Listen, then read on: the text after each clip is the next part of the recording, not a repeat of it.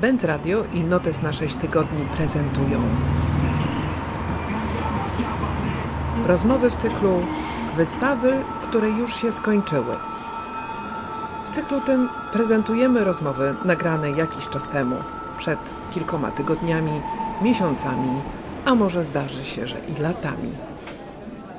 Gościem Benz Radia jest dzisiaj Janek Simon, autor wielu znakomitych prac wyprzedzających swoje czasy, który mimo młodego wieku posiada retrospektywę. W Centrum Sztuki Współczesnej Zamek Ujazdowski można oglądać Twoją wystawę Syntetyczny Folklor, która prezentuje większość, jeśli nie wszystkie, Twoje prace, które do tej pory mogliśmy oglądać. Jak się z tym czujesz? Nie no, przede wszystkim, znaczy przede wszystkim dzień dobry. Nie wszystkie prezentuję, prezentuję wybór. Zrobiłem prac ponad 100, tam jest tych prac może z 20 parę, także to jest wybór i to dużo nie weszło do niego.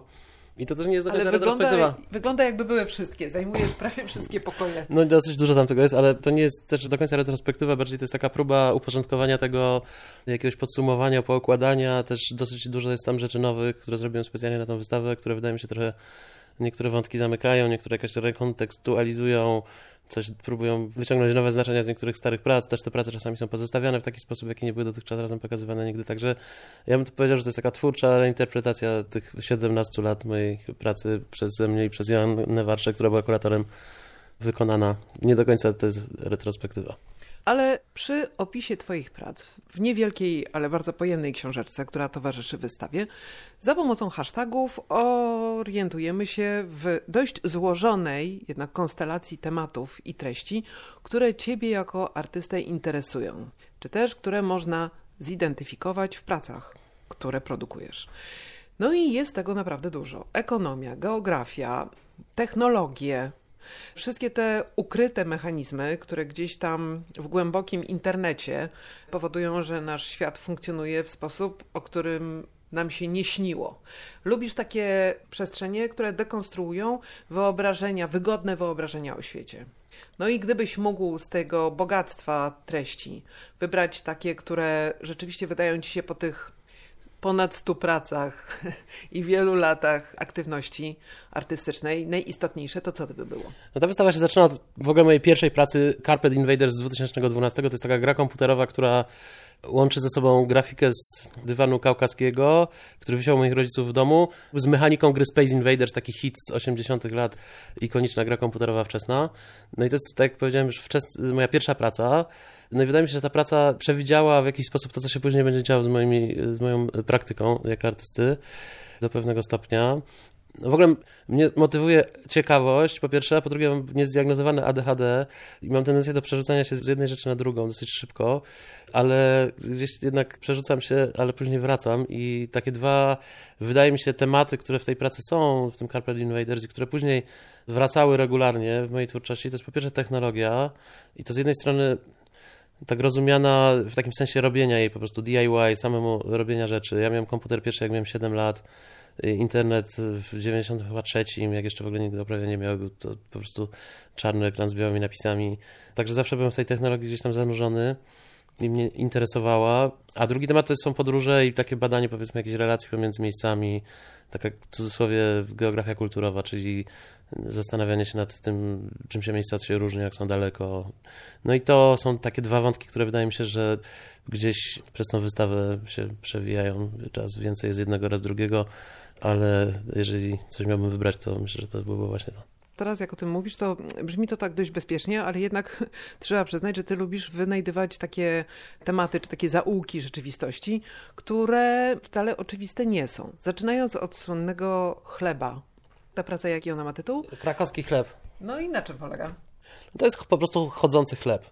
To znaczy, jest to prosta konstrukcja robota z sześcioma nogami, taki pająk i na tym jest zamontowany bochenek chleba wydrążony, pusty w środku i sobie chodzi pomiędzy różnymi ekonomicznymi wizualizacjami danych ekonomicznych, które tam w tej sali oprócz niego się znajdują.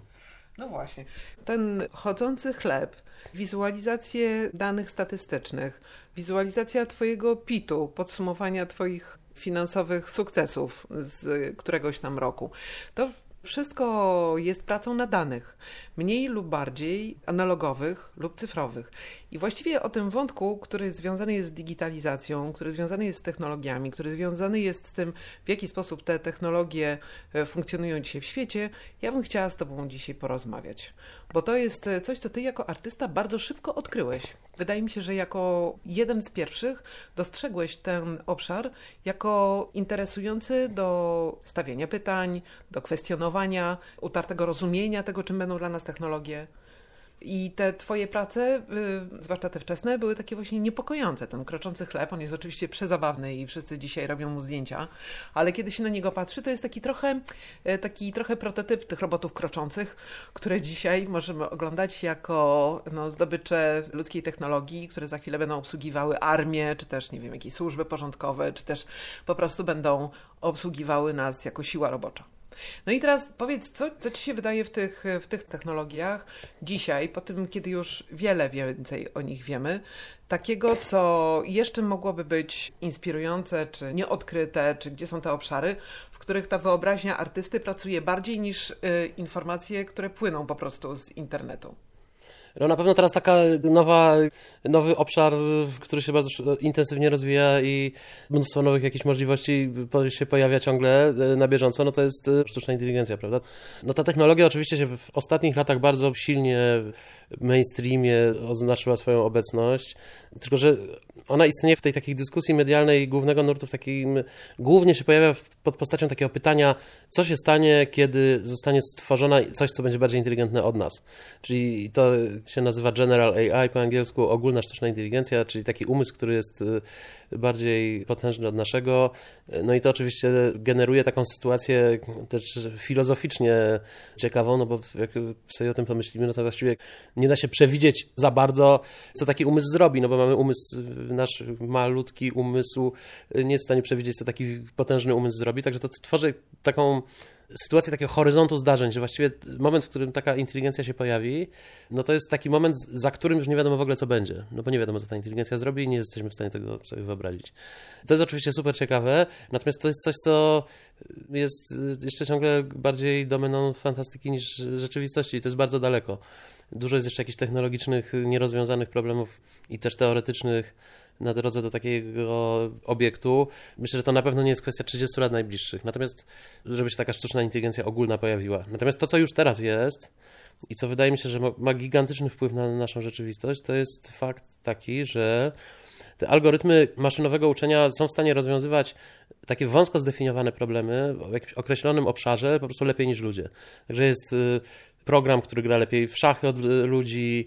Jest taki kontrowersyjny algorytm, zresztą przez Polaka stworzony mieszkającego w Stanach, pracującego w Stanach, który rozpoznaje, jest w stanie rozpoznawać z 95% dokładnością naszą orientację seksualną po zdjęciach na Tinderze, coś czego my nie jesteśmy w stanie zrobić za dobrze. Rozpoznają algorytmy emocje lepiej niż ludzie na podstawie zdjęć, na podstawie wyrazu twarzy. Także te algorytmy w wąskich obszarach dużo bardzo rzeczy robią lepiej niż ludzie. No i to jest pytanie teraz, y, jakby w którą stronę to pójdzie. No oczywiście można sobie wyobrazić jakieś niezliczone scenariusze dystopii, kiedy te algorytmy są używane do tego, żeby nas kontrolować i to się oczywiście dzieje, ale można sobie też próbować wyobrazić jakieś zastosowania dla tych algorytmów takie emancypacyjne, no pozytywne. I ta jest taka praca, zresztą tytułowa Syntetyczny Folklor, która no tak no jest powiedzmy fantazją czy spekulacją na temat możliwości zastosowania takich algorytmów do, do stworzenia jakiegoś uniwersalnego jakiegoś uniwersalizmu, jakiegoś uniwersalnego systemu wartości, uniwersalnego właśnie folkloru, takiej sztuki ludowej, która nie pochodzi z jakiegoś żadnego konkretnego miejsca.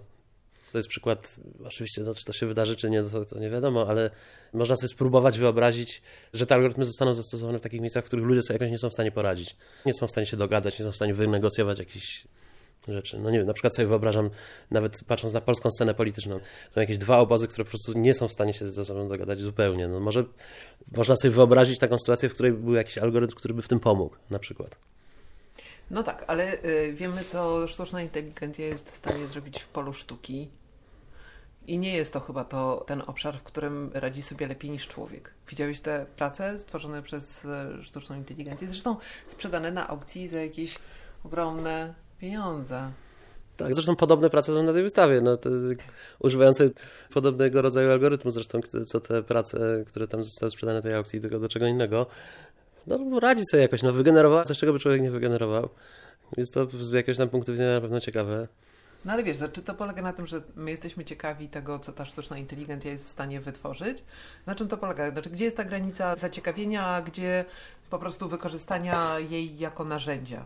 W 2014 się pojawił taki artykuł naukowy, który otworzył nowe drzwi do użycia sztucznej, właściwie sztuczna inteligencja to jest za duże słowo, lepiej używać według mnie w przypadku takich algorytmów słowa machine learning, znaczy sformułowania machine learning, uczenie maszynowe, bo tam tak naprawdę nie ma żadnej inteligencji, no to są po prostu jakieś zaprogramowane w konkretny sposób algorytmy.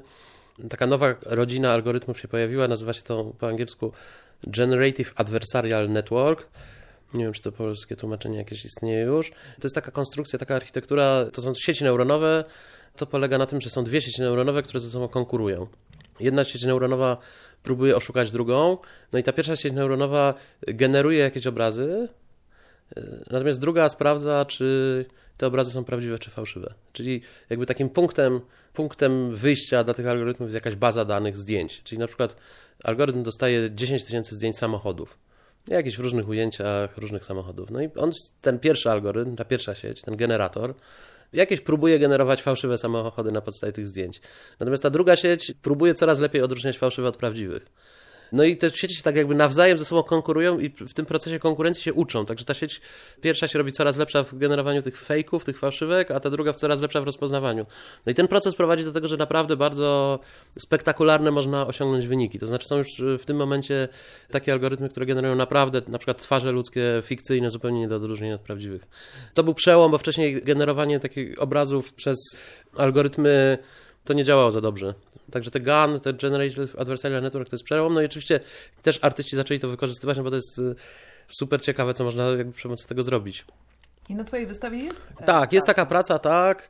To jest praca, która jest efektem ubocznym projektu, który żeśmy zaproponowali też z Aśką Warszą, z kuratorką tej wystawy w zamku, do pawilonu polskiego w Wenecji. Przegraliśmy niestety konkurs, nie udało się, ale to miało tak wyglądać, że chcieliśmy zrobić trochę podobny algorytm do tego, który rozpoznaje orientację seksualną, który miał tak działać, że miał rozpoznawać, czy ktoś jest Polakiem, kto wchodził do tego pawilonu.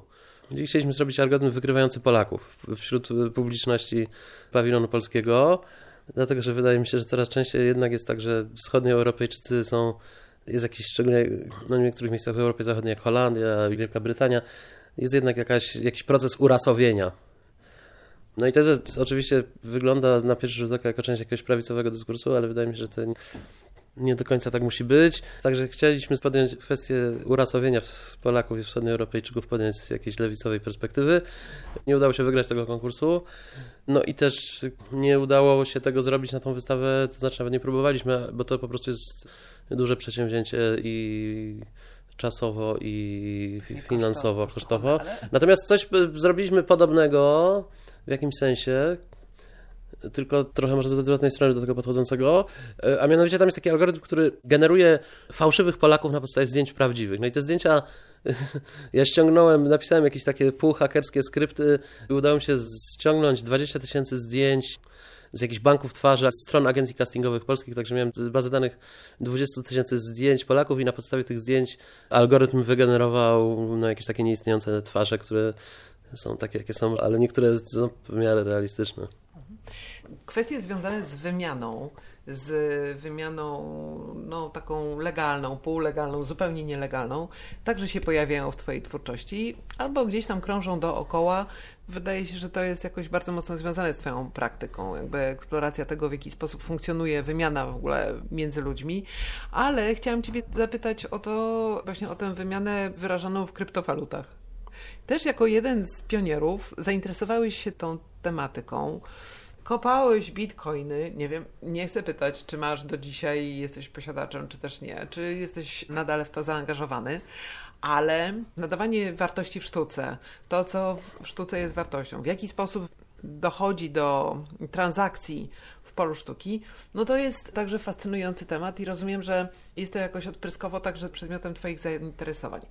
Ale czy po tych wszystkich latach ta kwestia związana właśnie z nadawaniem wartości, wymianą, czy masz jakąś swoją, swoją własną teorię dotyczącą właśnie tego, w jaki sposób powstaje wartość w, tej, w tym dziwnym obszarze, jakim jest sztuka? No tak, kryptowalut niestety nie ma na tej wystawie. To było coś, co zrobiliśmy z Jankiem Sawą pod szyldem Goldex Poldex. Mieliśmy taki kolektyw w Krakowie i miejsce kiedyś I później rzeczywiście w 2000 chyba 11 żeśmy postawili w MSN koparkę bitcoinów, trochę tych bitcoinów się wykopało. Niestety nie sprzedaliśmy ich wtedy, kiedy trzeba, w zeszłym roku, w grudniu. No, czekamy na lepsze czasy. Jeżeli chodzi o nasze zasoby kryptowalut, to ciągle są.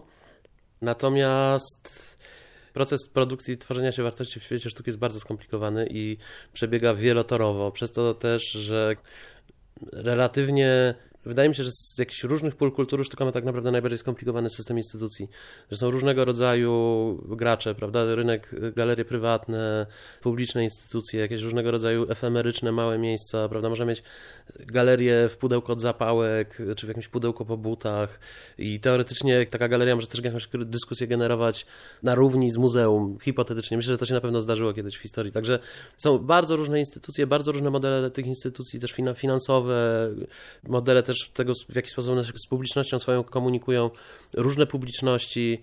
No i gdzieś te siły pomiędzy sobą prowadzą jakiś proces negocjowania. Oczywiście jest jeszcze krytyka też, też różne rodzaje krytyki, prawda? Te instytucje pomiędzy sobą negocjują gdzieś jakąś hierarchię i jakąś wartość ta wartość się wytwarza pomiędzy tymi różnymi właśnie obszarami, różnymi graczami w tym polu, a przez to, że one jest, tak jak powiedziałem, skomplikowane i też dużo jest jakichś ukrytych y, różnego rodzaju takich nieprzejrzystych mechanizmów, czasami też na pograniczu rynku, rynku sztuki. Wydaje mi się, że w innych polach to wygląda, ten proces jest prostszy. W sztuce wydaje mi się, że jest wyjątkowo skomplikowany i toczy się przez jakąś taką nie do końca często przejrzystą grę różnych y, sił. No jesteś także, trzeba powiedzieć, takim mm, prekursorem y, niezależnych obchodów polskości. To jest bardzo ciekawe, wiesz, bo w tej twojej twórczości jednak się przejawia taki wątek relacji Mm, no, relacji wobec jakiejś szerokości geograficznej, czy wobec jakiegoś miejsca, ale no zawsze jest to do jakiejś lokalności, z której ty pochodzisz. No i twój rok polski na Madagaskarze można uznać za jakiś taki pierwszy wiesz, gest y, związany z obchodami, które trwają już chyba ze trzy lata Y, naszego stulecia panowania nad światem. I czy ty, czy na przykład te, te, ten klimat polityczny, który jest obecnie bardzo taki sprzyjający szukaniu polskości, polskich y, macek, polskiego wpływu, polskich różnych y, osiągnięć, czy to ciebie mm, jakoś dodatkowo inspiruje do poszukiwań właśnie tych, mm, wiesz, jakichś naszych okrytych mniej lub bardziej osiągnięć? Znaczy ja się wychowywałem w 80 latach, moje dzieciństwo niefortunnie przypadło na ten ciężki okres dla Polski, jakiegoś upokorzenia jednak, wydaje mi się. To znaczy kraj, nasz kraj został wtedy upokorzony przez ekonomiczne, globalne procesy. Gdzieś mam problem z pozytywną identyfikacją z naszym krajem, z tą ojczyzną, z kwestią bycia Polakiem. Trudno mi jest naprawdę znaleźć sobie jakąś dumę z tego faktu wynikającą. No i to próbuję jakoś to przepracować przez swoją praktykę. Od czasu do czasu to jednak wraca. Już bardzo chętnie bym chętnie bym od tego tematu uciekł, ale gdzieś tam jednak ciągle nie mogę. No tak, ta Polska wraca gdzieś tam. No, no, no nie da się. Ja już mam też tego dość trochę, już nie chcę o tej Polsce robić żadnych prac. Już. To o czym, Janek? Z jakiego no nie, zasobu? Mnóstwo miłości, nie wiem, globalnych siłach różnych, które działają po prostu od jednego bieguna do drugiego. No nie wiem, mnóstwo jest różnych tematów, które nie są Polską, prawda? To jednak. Ta Polska mi się wydaje, że jest ciekawa no i to może też jest problem y, nasz jakiś, że ona jest taka niezdefiniowana, że jest gdzieś tak pomiędzy. Nie w tą, nie w tamtą. Jakby jest z jednej strony w jakichś konfiguracjach, jak na przykład szczególnie jak się gdzieś wyjedzie na południe, prawda, do Afryki, czy do Azji, do Indii, no to jest się po prostu białym i tam w ogóle nie ma robić za dużej różnicy nikomu, czy się jest z Polski, czy się nie jest z Polski, czy się jest na przykład z Anglii, czy z, z Niemiec. Natomiast jak się już pojedzie do Holandii, czy do Wielkiej Brytanii, no to, to już to robi różnicę. No i ja nie wiem, ja miałem takie doświadczenia na przykład osobiste, no, że byłem na jakiejś rezydencji w Hadze i tam gdzieś wchodziłem do sklepu, oni od razu widzieli, że nie jestem Holendrem, to tak się za mną patrzy, gdzieś tam czegoś nie sobie do kieszeni nie wkładam. No jakby jest jednak, ciągle wydaje mi się, ta wschodnia Europa jest jakaś relacja taka podrzędności względem Zachodu. Ta narracja pisowska o wstawaniu z kolan, oczywiście może się wydawać jakaś e, karykaturalna, ale gdzieś tam mi się wydaje, że to jednak wykorzystuje jakiś realnie istniejący resentyment, szczególnie na przykład wyobrażam sobie wśród takich ludzi, którzy na przykład z klasy robotniczej, którzy wyemigrowali z Polski, gdzieś mieszkają właśnie w Wielkiej Brytanii. No to ja przypuszczam, że i zresztą są naukowe badania na ten temat, no, że bardzo dużo takiego rasizmu ich po prostu spotyka. To jest zresztą też ciekawe, że mi się wydaje, że Polacy tak nie do końca są biali. Że jesteśmy tacy trochę lekko niebiali. I To zresztą też jest ciekawe, że tak definicja w ogóle białości, tego kto jest biały, kto nie jest biały, to jest w ogóle po pierwsze konstrukt kulturowy stricte, którego granice są elastyczne i się zmieniały. Na przykład w Stanach na początku XX wieku Włosi albo Irlandczycy nie byli uznawani za białych. Później zostali do tej białości jakby włączeni. No i Polacy już tak niby też zostali włączeni w pewnym momencie, ale tak kurczę nie do końca. Może, wiesz co, skonkludujmy to tym żółtym serem, bo na wystawie jest drukarka 3D, która drukuje żółty ser. Drukarki 3D to jest coś, czym ja się dosyć, dosyć wcześnie zainteresowałem. Pierwszy raz to wykorzystałem na wystawie zresztą w Zamku Jazdowskim, która też była produkcja rzeczy w domu w 2011. Odkryłem te drukarki 3D, takie DIY, domowej roboty, które się pojawiły gdzieś koło właśnie 2010 w internecie, w takiej strefie open hardware, czyli ludzi, którzy się, takich społeczności, którzy się wymieniają projektami różnego rodzaju urządzeń na takich zasadach open source, czyli to jest bez żadnych praw autorskich, można sobie po prostu ściągnąć plany jakiegoś urządzenia i je sobie zrobić samemu. No i taki naukowiec z Anglii, Adrian Bowder, opublikował plany drukarki 3D, która y, była bardzo tania. I to oczywiście druk 3D był wcześniej, jakby te technologie istniały, tylko że były strasznie drogie. To było właściwie zarezerwowane dla jakichś dużych firm, na przykład projektowych, które robiły prototypy na tym. Taka maszyna mogła kosztować na przykład 100 tysięcy dolarów. To, to była bardzo droga technologia. Natomiast ktoś w pewnym momencie wpadł na pomysł, że taką drukarkę 3D da się bardzo łatwo zrobić. Tak naprawdę taka drukarka 3D to jest urządzenie, które jest prostsze dużo od drukarki 2D, od takiej, która drukuje na papierze kolorowe zdjęcia. To jest proste stosunkowe urządzenie. No i pojawiło się dużo różnych projektów w internecie, takich drukarek, które można sobie było powiedzmy za 2000 zł pokupować te części i złożyć. No ja taką drukarkę złożyłem i zacząłem na niej jakieś różne rzeczy drukować.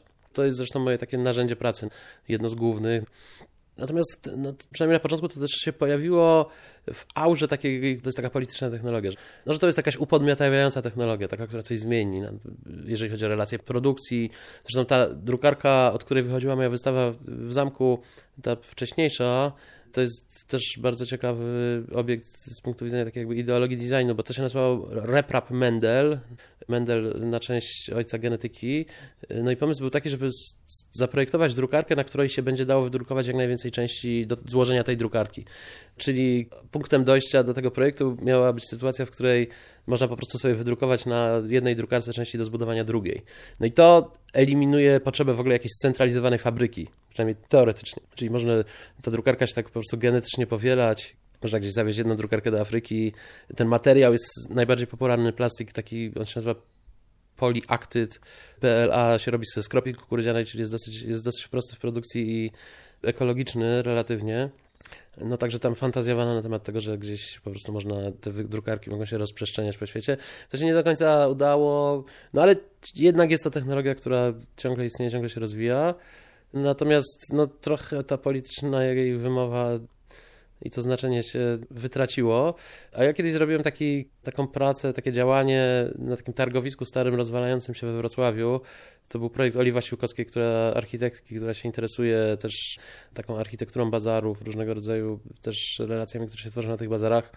No i ona zaprosiła artystów, żeby tam na tym bazarze po prostu coś zrobili. No ja zrobiłem takie stoisko, gdzie drukowałem serżuty z plastiku i próbowałem się wymieniać za realne warzywa z jakimiś ludźmi, którzy tam handlowali i testować, jak to pójdzie. No i bardzo dobrze, udało mi się.